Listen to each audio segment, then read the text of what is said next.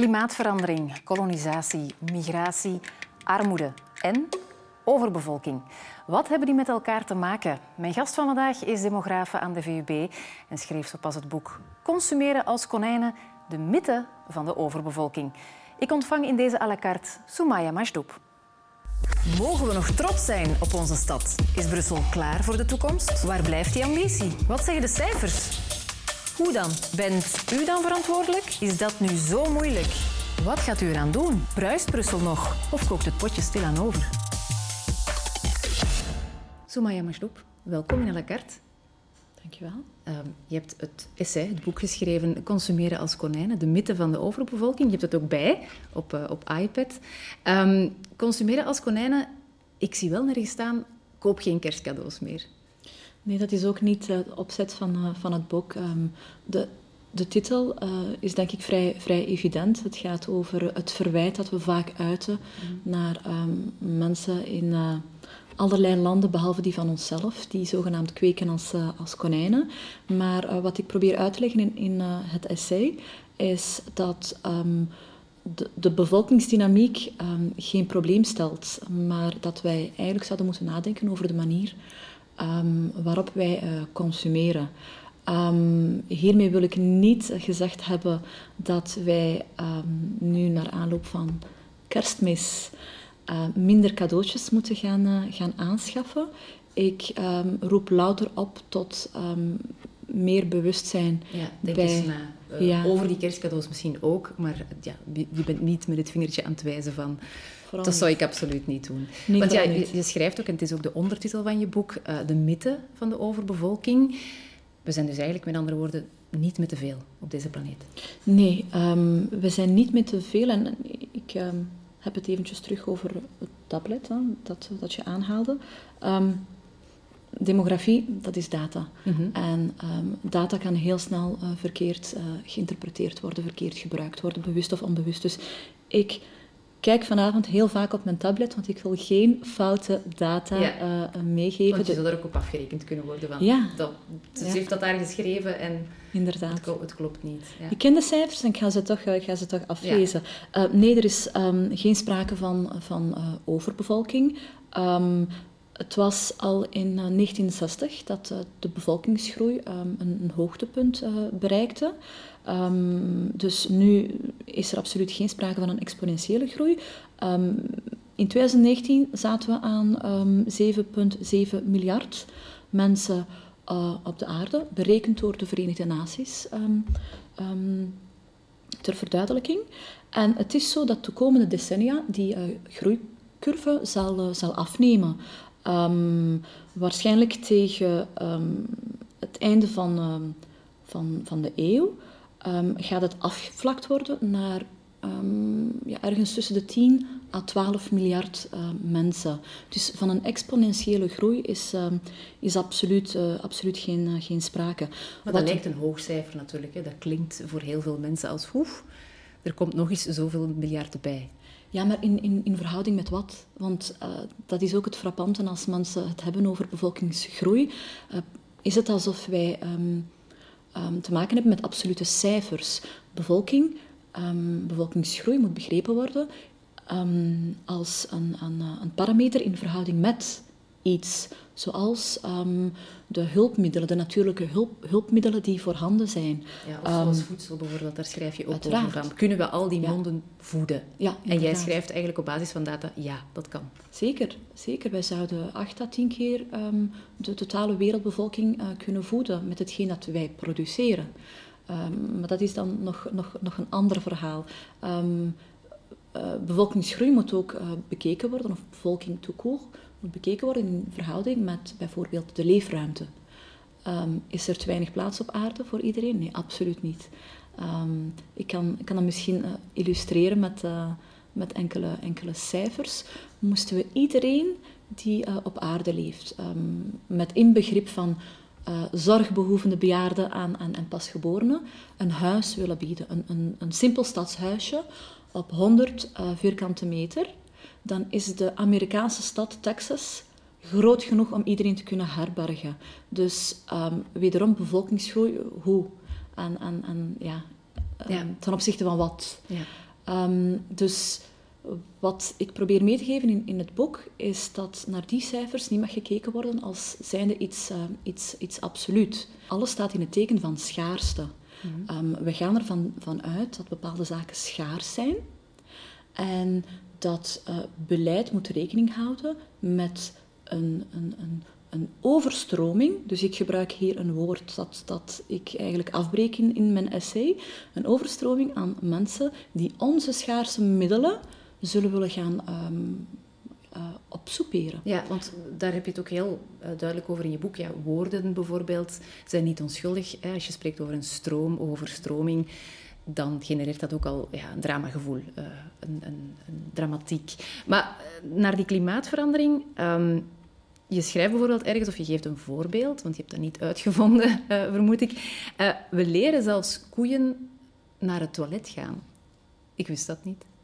Wij leren inderdaad koeien naar het, uh, naar het toilet gaan. Aan, aan... Oké, daar, daar... Waarom doen we dat?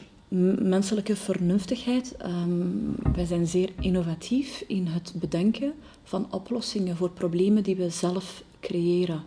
Um, in uh, het boek um, gebruik ik de gebruik ik de term deflection, mhm. waarmee ik eigenlijk wijs op die neiging van telkens de schuld willen gaan verleggen. De schuld elders gaan leggen voor iets dat we zelf uh, uitlokken en ook zo de realiteit gaan vervormen om de ongelijkheid die aan de basis ligt van, uh, van ons handelen te gaan verdoezelen. Ja, en we beschuldigen zelfs, of we gaan zelfs koeien gaan manipuleren eigenlijk. Instrumentaliseren. Of instrumentaliseren uh, om dan ja, om die koeien te kunnen blijven opeten? Um, kunnen blijven opeten, ja, maar het, het zit zo dat um, als we het hebben over klimaatverandering, uh, wat, wat leidt tot verandering in, uh, in de klimaatsomstandigheden, dat is um, de uitstoot van, van, van gassen.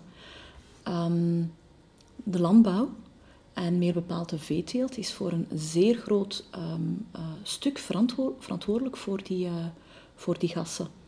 En ammoniak, dat we kunnen vinden in, ehm, in eh, de urine van runderen, is daar rechtstreeks voor verantwoordelijk. En maar dan zou je ook kunnen zeggen, want het is eigenlijk wel heel vernuftig dat we op een of andere manier hebben geleerd aan koeien om ja, op een bepaalde plaats te gaan urineren. Ja en nee, um, want dat is, een, een, een, een uh, dat is eigenlijk het voorbeeld bij uitstek van, uitstek van deflection. In plaats van onze consumptie aan te passen en dus minder vlees te consumeren, moet het dier dat we willen consumeren opdraaien. En die gaan we dus trainen om op een bepaalde plek te urineren, om de bodem niet te, te, te bezoedelen. Dus eigenlijk, um, oké, dat is innovatief, maar eigenlijk is dat zeer pervers.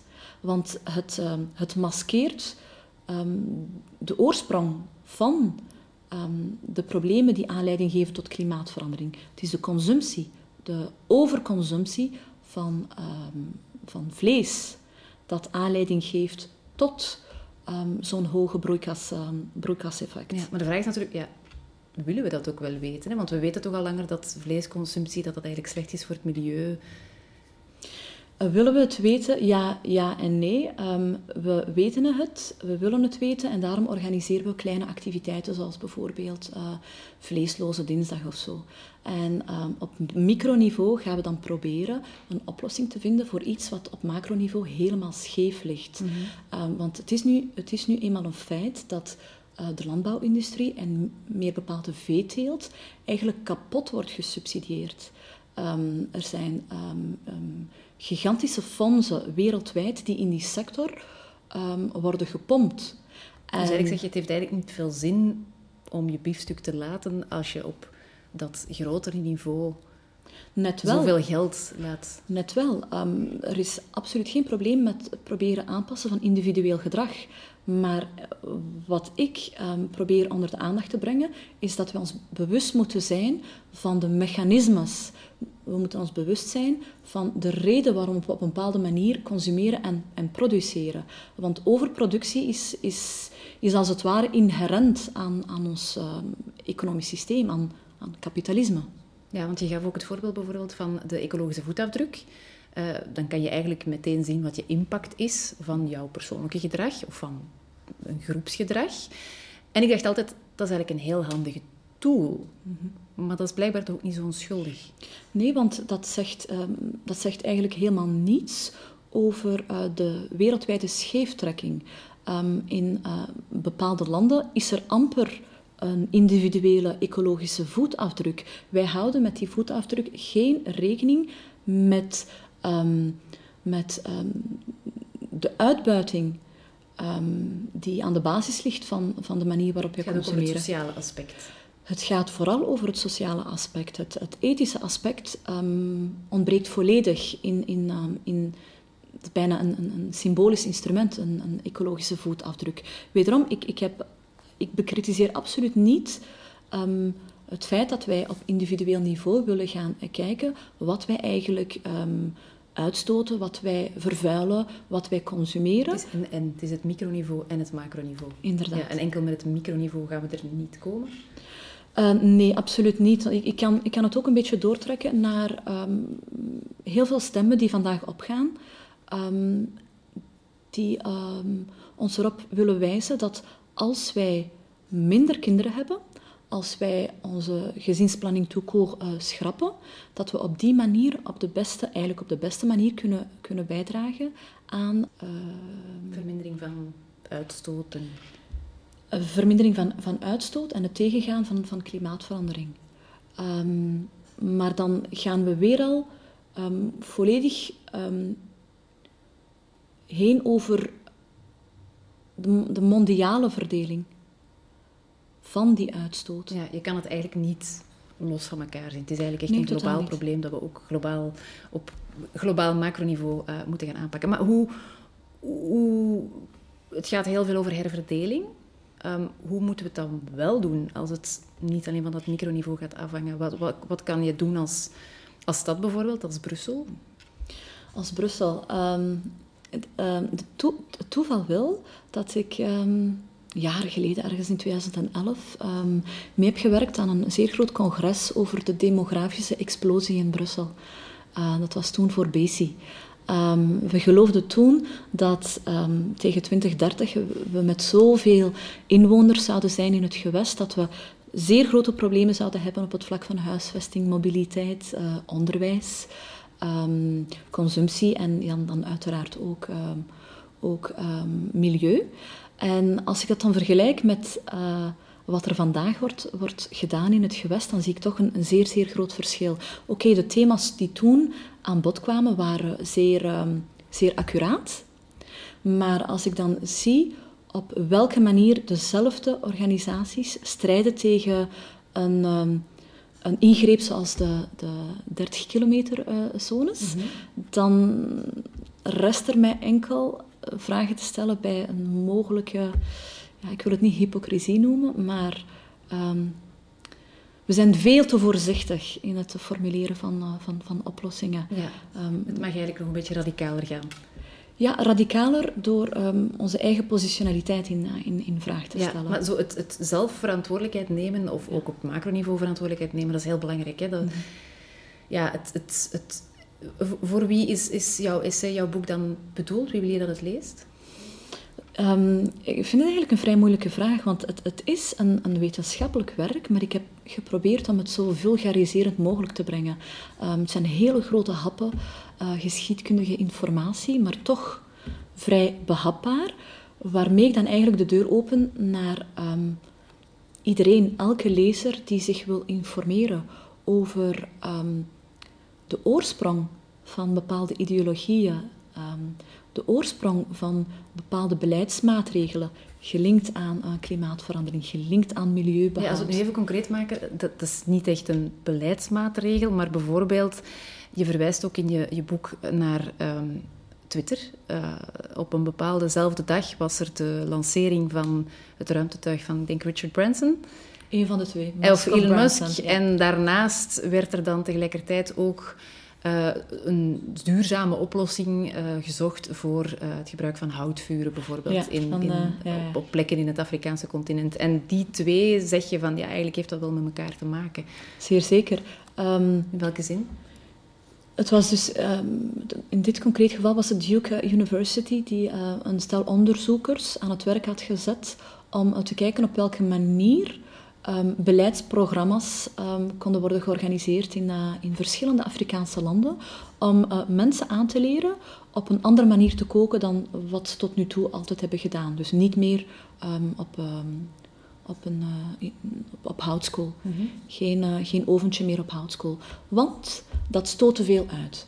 En op het ogenblik dat die tweet over het scherm rolde, had je dan het haantjesgedrag tussen Branson en, en, uh, en Musk over, uh, over hun, uh, hun trip doorheen de ruimte. al dan niet met een, met een eindbestemming. En, en dan kan je jezelf wel de vraag stellen, want en vooral een... we niet met twee maten en twee gewichten aan het werken? Ehm, voor mij is dat dofis twee maten en, twee gewichten. Maar als je dan kijkt naar de reacties op die tweets, het, het, um, het, het applaudisseren en het um, feliciteren van hun moed en hun innovativiteit en hun, en hun leadership, ondernemerschap. En gelijktijdig culpabiliseren wij um, heeldere uh, bevolkingen omdat zij koken zoals ze dat al eeuwen doen. Ja, en met die klimaatrechtvaardigheid, want daar gaat het ook om, hoe doe je dat? Dat is boekhouding. Um, dat is eerst en vooral um, in uh, vraag gaan stellen um, of de decolonisering eigenlijk al over is. Um, want um, ondanks het feit dat uh, verschillende landen zich hebben kunnen uh, s'en débarrasser uh, van hun kolonisator, zijn wij toch nog steeds zeer, zeer, zeer aanwezig in, in die landen. dus die extra territorialiteit maakt dat wij nog steeds grondstoffen naar onze richting uh, sleuren, maakt dat we nog steeds rekenen op uh, human resources.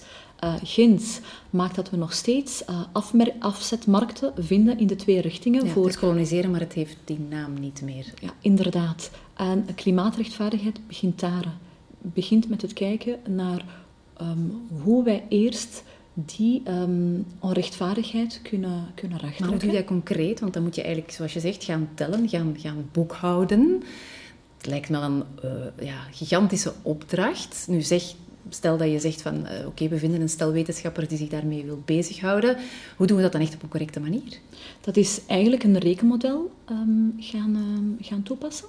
Om te kijken hoe met terugwerkende kracht wij uh, hebben uitgestoten, hebben verloederd en daar een, een, een prijs op plakken. Excuseer, drink maar even water. Um, op dit eigenste moment is, uh, is de Europese Commissie daarmee bezig. Dus er zijn uh, uh, commissies die, die dat proberen te becijferen, die proberen instrumenten in, in elkaar te steken. Maar um, die zijn er gekomen omdat we een, een bepaalde transitie beogen, een bepaalde ecologische transitie. Maar ook dat um, durf ik uh, te bekritiseren, wat ik ook doe in, uh, in, uh, in mijn boek. Mm -hmm. Want um, we hebben het nu heel vaak over degrowth, maar degrowth, gaat, degrowth als woord bevat nog steeds growth. Dus nog steeds staat groei centraal in het formuleren van oplossingen voor um, een situatie die werd uh, veroorzaakt door groei. Dus het is eigenlijk een, een cirkelredenering. Een cir cirkelredenering. Uh, ja, maar er wordt op dit moment wel becijferd, dus over x aantal tijd kunnen we verwachten van ja, kijk, dit is de uitkomst. Dat weet ik nog niet zo goed. En in welke zin betwijfel je dat? Um, zoals ik net zei, als um, ons uitgangspunt niet verandert, als wij geen systeemshift um, beogen, dan mogen we nog gaan um, becalculeren hoeveel we willen. Maar dat verandert niets aan het feit dat het systeem op zich onrechtvaardig is. En daarom uh, pleit ik voor een, een ecofeministische bril. Um, we moeten gaan kijken uh, naar machtsverhoudingen. We moeten gaan kijken hoe het komt dat bepaalde zaken volledig worden weggelaten uit, uh, uit onze economie. Um, ik heb het dan bijvoorbeeld over, um, over onbetaalde zorg. Mm -hmm. um, zorg dat bijna... Mantelzorg bijvoorbeeld, als je voor ja. een ziek familielid zorgt. Ja, inderdaad. Dus een eerste stap zou kunnen zijn dat te betrekken of dat te integreren in de monetaire, monetaire economie. Ja, omdat je dan eigenlijk een correctere verhouding levert of, of hebt tussen wat er nu al betaald wordt en wat er eigenlijk ongezien blijft. Het is, het is ongezien omdat het onzichtbaar wordt gemaakt. Het is deel van het systeem, om het niet te zien. Exact. Oké, maar ik hoop dat jouw essay Consumeren als konijnen dan meer ehm, doet zien. Dat, uh, mensen dat ook uh, lezen. Soumaya, heel hard bedankt om naar à la carte te komen. Zeer graag gedaan. En ook bedankt voor het kijken thuis. Lucas die is er volgende week met de laatste à la carte van 2021.